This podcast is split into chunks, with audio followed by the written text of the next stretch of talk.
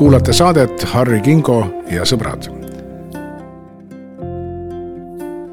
tere, head vaatajad, oleme taas eetris saatega Harri Kingo ja sõbrad, nagu alati, mina olen Harri Kingo, aga sõbraks on mul täna siin proua Helme, Eeva Helme.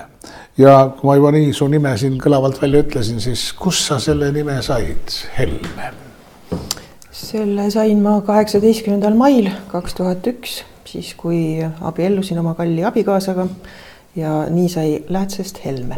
ja kes on nüüd su kallis abikaasa, ma usun, et enamus teavad seda väga hästi, aga kindlasti on ka neid, kes ei tea. minu abikaasa on Martin Helme. ja me oleme tänaseks nüüd abielus, äh, kohe saab meil varsti kakskümmend kaks aastat. meil on kasvamas viis imetoredat last, kolm neist on juba täisealised ja rohkem ei oskagi ütelda hüva, mul on nüüd sulle niisugune krutskiga küsimus. aga kas sulle ei tundu, vaata, sa oled nüüd ka Riigikogu kandidaat, eks ole, ja et hakkab tekkima mingisugune Helmete klann sinna EKRE etteotsa, Mart ja Monika, Martin ja Eeva, täielik perekondlik värk. mis sa ütled selle peale? Sind ähvardab selline kriitika muuseas mm. -hmm. ma ise arvasin kusjuures, et see kriitika on tugevam, et äh, selle kogu selle kampaania vältel. aga ma ei ole ise seda nagu praegu noh, mõnes kohas olen ikkagi näinud, et ja ma ei heida seda kuidagi, ma ei pane seda ühelegi inimesele pahaks, kes niimoodi mõtleb. sest et ega midagi ei ole teha, et tõepoolest, et ongi poliitikas praegu nüüd tulemas, eks ole, neljas Helme. aga kuna ma mõtlen, et äh, esiteks, et äh, me olemegi sellised inimesed, kes suhtuvad Eesti käekäiku, Eesti poliitikasse väga kirglikult. et äh, siis see on lihtsalt paratamatu, et sa tahad ise ka tulla ja midagi nagu konkreetset ära teha. ja ma arvan, et teil on ka täpselt samad veendumused, ma ei kujuta ette, et ütleme kasvõi keegi Riigikogus, kes praegu seal istub mm. -hmm. tema perekonnas oleks nii, et tal on ühed veendumused ja tema abikaasal on midagi täiesti muud ja nad kogu aeg seal kodus siis sõdivad, võitlevad ja kaklevad ja tõestavad midagi. see ei ole enam abielu, see on mingisugune poliitiline kaklus. nii ei saa olla. see on väga normaalne, et abikaasad mõtlevad ühtemoodi. See on kindlasti normaalne, et see Äh, on üks äh, pikaajalise abielu, eks ole, saladusi, et sa noh, ikkagi nagu, et sa peadki nagu äh, noh, ühiseid väärtusi ja ühiseid põhimõtteid jagama. aga see kindlasti ei ole nüüd päris lõpuni nii, et, et, et me nagu mõtleme nagu üks mees, et mm. kindlasti on meil täiesti erinevaid nagu seisukohti ka, ka mõnedes poliitilistes küsimustes aga need on nagu, need on väga noh, väikesed ja see ei, see ei muuda seda suurt pilti. no mul on täpselt sama seis kodus, me abikaasaga oleme põhimõtteliselt samadel veendumustel, aga vahetevahel võib mõnes nüansis olla ja. meil mingeid erimõtteid, eks ole, ja siis me, me isegi ei vaidle, vaid noh, me selgitame, miks ma nii arvan, tema selgitab, miks tema naa arvab, eks ole, ja siis me jõuame ikka kusagile sinna keskpõrandale kokku ja lepime kokku, eks ole. nii, aga ütle mulle, Eva oma perekonnaelust, palju siis te seal kodus Martiniga seda poliitikat arutate, palju, palju teie suhe on poliitiline ja palju ta on inimlik?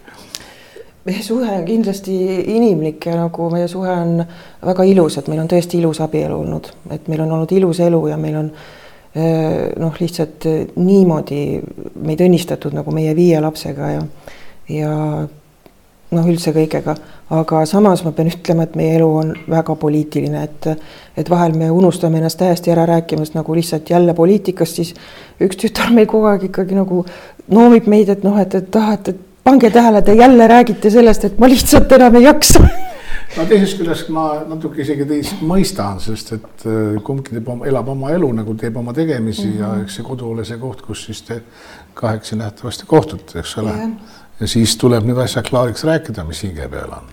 absoluutselt, et ikkagi nagu päevasündmused tuleb ära, ära rääkida ja päevasündmusi mõjutab see poliitika, sest me oleme seal lihtsalt tahad või ei taha, me oleme seal karvupidi sees Eva, ma nüüd teen natuke teist juttu, ütlen niimoodi, et eh, sa oled nagu meil uus komeet meie poliitilises taevas. Eh, mis sa varem tegid, kus sa olid mm,? varem no kus ma ikka varem olin, et olin ikka Martini kõrval, et ma olen aastast kaks tuhat üks näinud seda, kui me abiellusime, et tema esimesest äh, poliitilisest äh, ettevõtmisest, kui ta tegi kampaaniat Mati Pätsi presidendiks saamiseks. siis tulid kaks tuhat neli juba esimesed Europarlamendi valimised, kus ta kandideeris üksikkandidaadina. siis me kõik sõitsime kogu äh, Lõuna-Eesti läbi, jagasime flaiereid, et Martin Helme osutuks valituks. Ja nii ta riburada läks, et, äh, et ma ei, meil on nagu noh, terve elu on olnud nagu lõputu, lõputu elukestev kampaania. et äh, lihtsalt olengi olnud kõrval, aga, aga minu elu oli noh, selles mõttes natuke ikkagi nagu sellest avalikust äh, tähelepanupunktist väljas ja ma olen selle üle väga õnnelik, sest et minul tahtsid lapsed sündida ja lapsed kasvada. kuule, sul on viis last, sa ei ja. saagi joosta mööda Eestit iga päev. ei, jah. eks ole, sul on palju muud tegemisi. aga läheme veel tagasi mööda ajalugu. kus sa sündisid, kus sa tulid üldse, kus sa maailmavalgust nägid nagu? mina sündisin Tartus ja sündisin. mis kandis seal? Täitsa Tartu linnas. aga noh, seal on Tammelinn ja äh, muud linnad. Väike-Tähe tänav oli minu esimene Väike kodu ja Väike-Tähe tänaval. Seal oli, emal-isal oli selline kaheteist ruutmeetrine pesakene ja sinna tuli veel minu äh, siis noorem õde. ja seal me siis e-, esimesed minu seitse eluaastat elasime. seda on küll vähe kaksteist meetrit. kaksteist ruutmeetrit oli jah. nii, kus sa koolis käisid, Tartus? ja Tartu seitsmendas keskkoolis käisin koolis. Ma käisin ka seitsmendas, aga Tallinnas. Aga ikkagi midagi, midagi natuke ühist. nii, eh, mis seal oli, Väike Tähe tänav, oli seal veel lapsi sul ümberringi või? ikka oli jah, aga ma pean ütlema, et mina olin see laps, kes väga ei armastanud õues käia, et mulle meeldis eh, joonistada, mulle meeldis eh, üksinda nagu kas raamatuid vaadata või lugeda ja, ja selline, et ma olin rohkem nagu selline kinnine laps, et ma ei olnud selline, kes oleks nagu koolikott seljast ära ja siis kohe õue jah, et ja. ei kuidagi ei olnud. nii, äh, seal sa siis kasvasid ja seal sa õppisid. kuidas su haridustee jätkus pärast seda mm? -hmm. lõpetasin keskkooli ära ja siis äh, tahtsin minna ülikooli õppima ajalugu. mind väga huvitas lähe, lähiajalugu ja meil juhtus Martiniga nii, et me ei saanud mõle, kumbki kohe peale nagu keskkooli lõpetamist sisse, vaid meil oli mõlemal üks vaheaasta. ja järgmisel aastal saime mõlemad sisse, sattusime ühele kursusele ja me saime kohe nagu äh, väga kiiresti omavahel sõpradeks. ja me olime, olime tükk aega väga head sõbrad. aga siis äh, elu viis seal ülikoolis meid kokku ja te jäitegi sealt peale? jah, jäime sealt kokku jah. tore kuulda. mida sa õppisid seal ülikoolis, ajalugu vist mm? -hmm, ajalugu. aga kui sa olid plikatirts ja sul oli peaunistusi täis ja reaalsus seal võib-olla palju ei olnud, kelle, kelleks sa tahtsid siis saada? jah, tegelikult ma tahtsin saada moekunstnikuks, arhitektiks jah mm ja tegelikult, kui ma juba läksin ajalugu õppima, siis ma tahtsin tegelikult saada ajalooõpetajaks. ja, ja., oled sa töötanud ajalooõpetajana? ei ole, jah. aga kellele sa oled pärast töötanud ehm,? panin lapsed lasteaeda, läksin täiskohaga tööle ja mõne aja pärast õnnestus mul saada teatri- ja muusikamuuseumi eh, üheks liikmeks kollektiivist. ja see, sellest on mul noh, väga-väga soojad mälestused et äh, lõpuks, kui ma sealt jäin poeg Edvardiga lapsehoolduspuhkusele, siis ma olin seal teabejuht. Ja noh, see oli täiesti minu maailm, et ma olin ju teatris põhimõtteliselt üles kasvanud. kõik see, see oli mulle tuttav ja omane, nii et jah. kui kunagi poliitikuamet läbi saab, lähed tagasi sinna? ilmselt mitte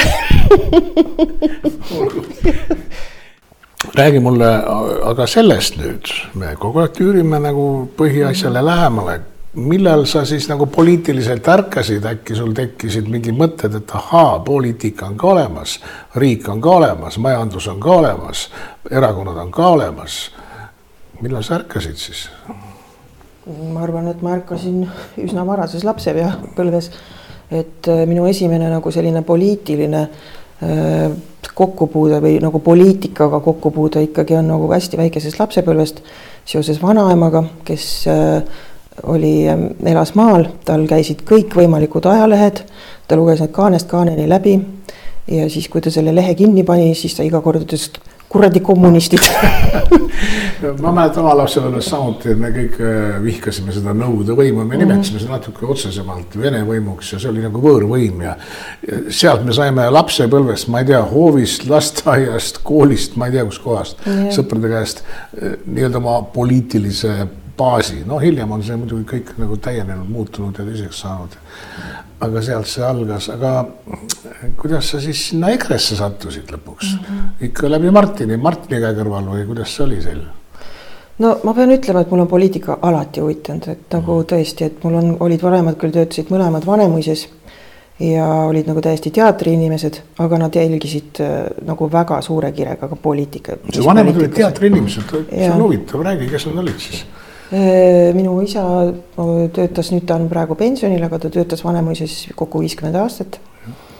alustas ta selliselt ametikohalt nagu pillikandja ja lõpetas äh, Vanemuise äh, lavastusala juhatajana. ja täpselt samamoodi ema pidas seal rida erinevaid ametikohti ja siis lõpuks oli tal kohvik väikese Vanemuise siis seal majas, mida ta pidas ja nüüd on nad mõlemad praegu äh, pensionärid. Äh, millised on sinu hobid, kas sa veel tegeled peale poliitika ka mingisuguse muu asjaga, mis sulle lihtsalt huvi pakub mm? -hmm. praegu on niimoodi, et mul on veel kaks ülejäänud, kolm tütart on täisealised ja ka mul on kaks väikest last veel, kaheksa ja viieaastane ja kõik oma vaba aja ma ikkagi katsun nendega selle veeta et see, meil poiss käib nüüd esimeses klassis ka ja et sellega tuleb tegeleda. aga noh, minu kõige suurem nagu hobi või kirg on meie maakodu ja ma reaalselt nagu, ma nii ootan seda kevadet, kui ma saan hakata jälle oma seemneid külvama ja vaatama, kuidas mu taimed tulevad välja. sa oled selline rohenäpp siis natuke jah? noh, ma ei ole selline väga nagu, nagu edukas rohenäpp, et mul ikkagi vahel nagu saak ikaldub ka, aga aga, aga see on asi, mida ma äh, nagu väga suure rõõmuga teen. ikaldub, sa siis ikka paned juurvilju ja niisuguseid asju sinna või ma ei tea. see ei ole lihtsalt lilled. Äh, jah, ma püüdsin ikkagi kasvatada ka kartulit ise, aga mul ei tulnud see välja kartulid panid mulda, aga nad ei tulnud sealt enam välja, jah? no juhtub, juhtub jah. nii äh,, kui me nüüd jääme tagasi poliitikasse, siis ütle mulle mis on sinu jaoks või sinu nägemuses Eesti suurim probleem number üks mm? -hmm. Eesti suurim probleem on minu meelest see, et äh, kuidagi need, kes on äh, rahva eest nagu peavad otsuseid langetama ja seadusi vastu võtma, nad on kaotanud nagu minu meelest igasuguse kontakti nagu kuidagi selle reaalse Eesti inimesega. et äh, kasvõi noh, võtame selle hiljuti tagasi lükatud seadus äh, seaduse, et vähihaigete ravimi äh, käibemaks langetada üheksalt viiele. et seda ei tehtud, et äh, kuidagi inimesed, äh, kes jõuavad siia Riigikogusse või Stenbocki majja, nad ei taju enam, missugune see tavaline inimene on, kui raske tal on hakkama saada või noh, eriti kui tal on, eks ole, veel mingisugune noh, haigus või, või puue või mida iganes, eks ole, et kuidagi see, see kontakt on nii kiire kaduma et ma ise loodan, et mul seda kunagi iseendal ei juhtu. ma ei taha nüüd Nõukogude võimu kiita ega ülistada, aga minu meelest oli nõukaajal ikkagi nii, et ka rahvasaadik pidi nagu omama kontakti inimestega, tal olid isegi oma vastuvõtuajad, millal inimesed saavad tulla, oma rääkida, oma mingisuguse kaebuse või kirja esitada praegu on äh, minu meelest Riigikogu liikmed kaotanud absoluutselt igasuguse suhte rahvaga, võib-olla nad seal oma perekonnas midagi räägivad või, või lähituttavate seas. aga et inimene saaks äh, tulla ja võtta saadikul nööbist kinni ja öelda, kuule, mul on tead see probleem, seda võimalust praktiliselt ei ole.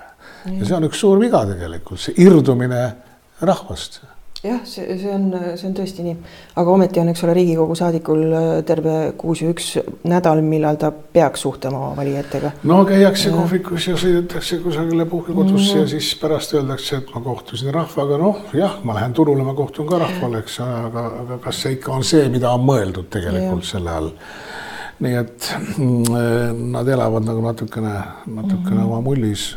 minu meelest Martin küll ei ela ei, ei ela, et esiteks ma arvan, et see, see, et ta võtabki kätte, et äh, ta ikkagi aastas korra sõidab kõik need paigad läbi, ta kohtub metsikult paljude inimestega. ja ma vaatasin Martini seda valimiseelset tuuri ja mõtlesin, et issand jumal, kuidas ta küll jõuab, kuidas ta jaksab, kuidas ta suudab, eks ole. nii et noh, kontakt on väga suur. Eh, mul on sulle veel niisugune teoreetilisem küsimus, ma vaatan, sina kui nüüd võib-olla tulevane poliitik, ega me ei tea ju. Eh, aga kui sa vaatad Eestit, kas Eesti üldse on veel demokraatlik riik mm? -hmm. kuidas sa arvad? et Eesti demokraatial on praegu ikkagi väga suureks ohuks see, et, et kui meil tõesti jõustatakse vihakõneseadus, et see on üks see on, see on nagu kõige suurem probleem selles, et me liigume selle poole, et näiteks kasvõi siin see mõned paar aastat tagasi see meeleavaldus oli, kus tõesti nagu enam inimesi ei lastudki Toompeale meelt avaldama ja suunati autod kõik, eks ole, ringiga kuskile ja saadeti veel koeradki kallale. et selline asi, sellist asja ei saa lubada veel laiendada. aga enne valimisi ma ütleksin nii, et ega meie valimisseadus ei ole ka päris tark ega kooskõlas põhiseadusega. põhiseadus vist ütleb, et mm. ühetaolised ja mm. otsesed Kahtlemata. ja nii edasi. Aga mis otsene valimine see on, kui ma annan näiteks sinu poolt hääle, aga see hääl rändab kellelegi hoopis teisele, kelle poolt mm. ma pole kunagi hääletanud ja kelle poolt ma isegi võib-olla ei taha hääletada. no mis otsene see on? ja, ja teine asi on, põhiseaduses on ju öeldud, et see on iga neljanda aasta tagant märtsikuu esimesel pühapäeval mm. -hmm. aga mitte laupäeval, mitte teisipäeval, eks ole meil on mingisugune eelvalimiste periood. Kolmas minu kriitika valimiste suhtes, kuna me oleme siin valimiste -hmm. eel, sellepärast ma selle võta, võtsingi teemaks, on see, et ega meie põhiseadus ei räägi ju poolt silpigi e-hääletamisest mm. -hmm seda pole olemas, aga üks põhinõue on see, et äh, põhiseadus on see vundament ja kõik ülejäänud seadused on alamal seisvad, aga nad peavad olema absoluutselt kooskõlas põhiseadusega nii et tegelikult e-hääletust ja eelvalimisi nagu põhiseaduse järgi ei tohiks üldse olemas olla, oled sa nõus sellega? ja ma täielikult jagan seda kriitikat. nii et demokraatia on meil niisugune noh, ligadi-logadi natukene mm. kui tõtt öelda ja kogu ja, ja võib-olla see on ka sinu saatus, aga sa oled ju mandaadita, kui sa oled saadik mm. -hmm. sa ei pea kellelegi aru andma, sind ei pea, ei saa tagasi kutsuda, sa oled nagu eluks ajaks valitud sinna, noh neljaks aastaks. õnneks siiski jah, neljaks aastaks aga, aga sind ei saa keegi sealt kangutada siin need mm. aastad. nii et no võib-olla see pole ka õige, sa ei anna ju mingit aru, mis sa oled teinud kellelegi üldse. kas sa üldse oled Riigikogus või ei ole, käid kohal või ei käi, isegi see ei loe nojah, aga samas, eks ole, ikkagi sa pead jälle nii-öelda nagu uuesti sellele töövestlusele nelja aasta pärast minema ja et, et kui sa seal ikkagi kehva tööd teed, eks siis, eks siis inimesed ja, ikkagi annavad oma signaali. meil poliitiliseks vastutuseks mm, -hmm. et sa nelja aasta pärast sind enam ei panda nimekirjas kusagile ettepoole, vaid sind võib-olla lükatakse kõrvale. aga võib-olla sa ei tahagi enam olla seal. ja siis on sul täiesti ükskõik. nii, me nüüd puudutasime seda e-valimist. Mis on sinu arvamus selle kohta e? e-valimised e, e-hääletamine? no ma arvan seda, et ähm, kui inimesel on vähegi võimalik, siis tuleb tulla viiendal märtsil valimisjaoskonda ja hääletada paberil. ja kui me mõtleme selle peale, et e-hääletus on kasutusel ainult veel, eks ole, Venezuelas ja Venemaal ja siis meil Eestis kolmanda riigina, siis peaks igal nagu vähemalt nagu kriitiliselt mõtleval inimesel panema kõikvõimalikud häirekellad tööle. et äh, miks siis muu, muud riigid, see on ju kõigil inimestel oleks mugavam, et miks siis muud riigid ei võta seda kasutusele? mina sõidan viiendal märtsil Lihulasse ja valin seal, sest ma olen Lääneranna valla elanik mm. -hmm. kelle sa valid? Mart Helme mitte iseennast isegi ma ju ei kandideeri seal aga kus sa kandideerid? mina kandideerin Lasnamäel Pirita oli kesklinnas. õige, õige, sa oled mu, sa oled mu, vaata, ma võiksin sulle öelda praegu nii, et sa oled mu noh, vastane hmm., sest me oleme ühes ringkonnas, eks ole. aga minu meelest on, tuleb sedasama olukorda vaadata natuke teises võtmes, et me, me oleme partnerid, sest et meil on üks ja kõrgem eesmärk et EKRE võidaks mm, -hmm. EKRE, mitte mina, mitte sina mm, -hmm. aga EKRE ja kui me saame sellesse oma panuse anda, siis on ju kõik korras, eks ole. Eh, nii, aga nüüd eh, mul on sulle nüüd mõned sellised huvitavad mäng, mängud, ütleme üks mäng, mida me sinuga, tahan mängida. see on mäng sõnadega. teeme sellise mängu, ma ütlen sulle sõna ja sina räägid lihtsalt mida sa arvad, ära muretse, sa ei saa eksida, kui sa, ma ütlen sulle sõna mets ja sa ütled hirmus koht. lapsepõlves hunt hammustas metsas mind ja ma ei taha sinna minna. aga nii oli, keegi ei saa öelda, et oi, nii ei olnud või nii, see on vale. alustame, nõus, natuke ma püüan su sisse piiluda nende sõnade abil. no alustamegi sellest mets mets äh, ikkagi jälle vanaema, et äh, vanaema viis meid alati, kui me tulime tema juurde koolivaheajaks kevadel, viis esimese asjana meid metsa ja siis äh, me korjasime seal ülaseid. ja ülased on mu siiamaani üks lemmiklilled, nii et mets seostub ikkagi vanaemaga. aga hirmu metsa ees või midagi sellist üldse? Mina olin ka maal ja, ja mets oli minu jaoks niisugune soe koht, kui ma mõtlen metsa peale, millegipärast ma näen niisugust päikest täis metsa, kus päike paistab ja siis on mingid varjud ja kõik need puud on hästi rohelised ja see on hea koht minu jaoks. nii et sulle ka. mets on hea sõna, aga meri, järgmine. Äh, meri toob minu äh, maakodu, mm, jah, et me oleme, maakodu asub meil küllaltki mere lähedal. Ja kõik need merega seonduvad lõhnad ja, ja helid et äh, see on jällegi hästi soe, soe nagu tunne tuleb kohe, kui merele mõtled.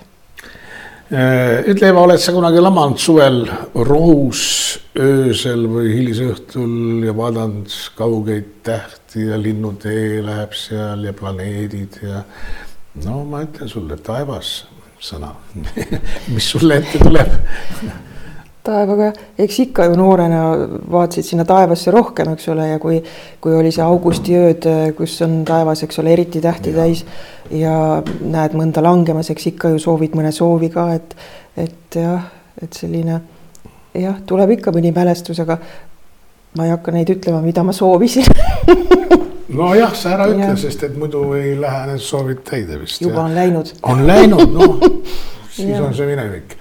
aga nüüd ma küsin su käest sellise noh, ütleme teoreetilisema küsimuse. sõna on vabadus.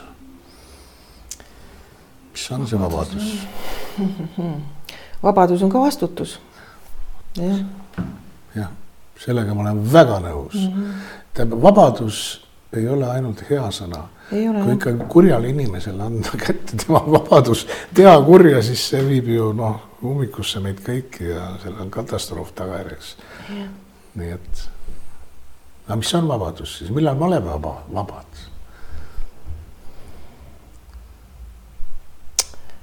vaba jah. ma annan sulle ühe mõtte, tead, et sa võiksid edasi mõelda, et vabadust kui sellist noh lõppresultaati või absoluutset seisundit ei olegi olemas, mida me saame teha, on samm-sammult vaikselt vabaneda, liikuda selle poole, saama üha vabamaks. ja vabadusega haakub järgmine sõna, Jumal. Jumal, kusjuures nüüd, kui see saate salvestus lõpeb, siis me lähemegi kohe kirikusse et kell, kell üks algab Kaarli kirikus äh, teenistus ja läheme sinna et äh, kõik, mis meie elus on ilusat ja head, on kõik tänu Jumalale. sa oled usklik? jah. seda on hea teada mm. -hmm. Siis ma olen Meidol siin juba siis kaks. nii, äh, aga nüüd on mul veel ja ma jätan selle võib-olla viimaseks sõnaks, millega ma sind pinnin. surm mm. -hmm. mis on surm, mis siis saab edasi, mis siis juhtub või ei tule midagi? kui sa Jumalat usud, siis minu meelest nagu peaks midagi seal pärast järgnema mm. -hmm. mis ettekujutus sul on sellest surmast ja surmajärgsusest isegi? Äh, ma ei oska seda surma niimoodi nagu äh, veel mõtestada, et võib-olla seega, äh, et kui saad jällegi vanemaks, et siis sa hakkad selle peale rohkem mõtlema, et, et mul on praegu lapsed, eks ole, viis last ja kaks neist on veel väikesed, et ma ikka keskendun rohkem selle elule, et kuidas, kuidas ähm, jah et ma saaksin oma lapsed ilusti suureks kasvatada ja, ja võib-olla õnnestub isegi lapselapsi näha. ja, ja siis võib-olla nagu mõttekas rohkem selle surma peale siis hakata mõtlema, et surm on lihtsalt elu loomulik osa, et äh, olen väga tänulik, kui see tuleb kauges tulevikus ja et ähm,. seal tuleb pärast midagi veel siis? kindlasti tuleb. kindlasti jah ja nii, aga ma jätan selle saate, ütleme nii, viimase sõna sulle. näed, seal kaamera objektiivis on miljonid ja miljonid sinu austajad ja valijad ja vaatajad. noh, ma teen natuke nalja ka. aga kui sa tahad neile praegu midagi öelda, ükskõik, mis see on, palun. kuna valimised on tulemas, siis ma ikkagi ütlen sellega seoses, et mõned sõnad, et tulge esiteks kindlasti viiendal märtsil valima ja kui te tahate, et Eestis oleks homne parem kui eilne, siis tulge ja valige Eesti Konservatiivse Rahvaerakonna kandidaate. nii, lugupeetud vaatajad, see oli tänaseks kõik, sellega on see üks saade lõppenud, aga meil tuleb veel saateid, kes seal toolis siis istub, ega mina ka hetkel ei tea, aga te peate vaatama, siis saate teada. kohtumiseni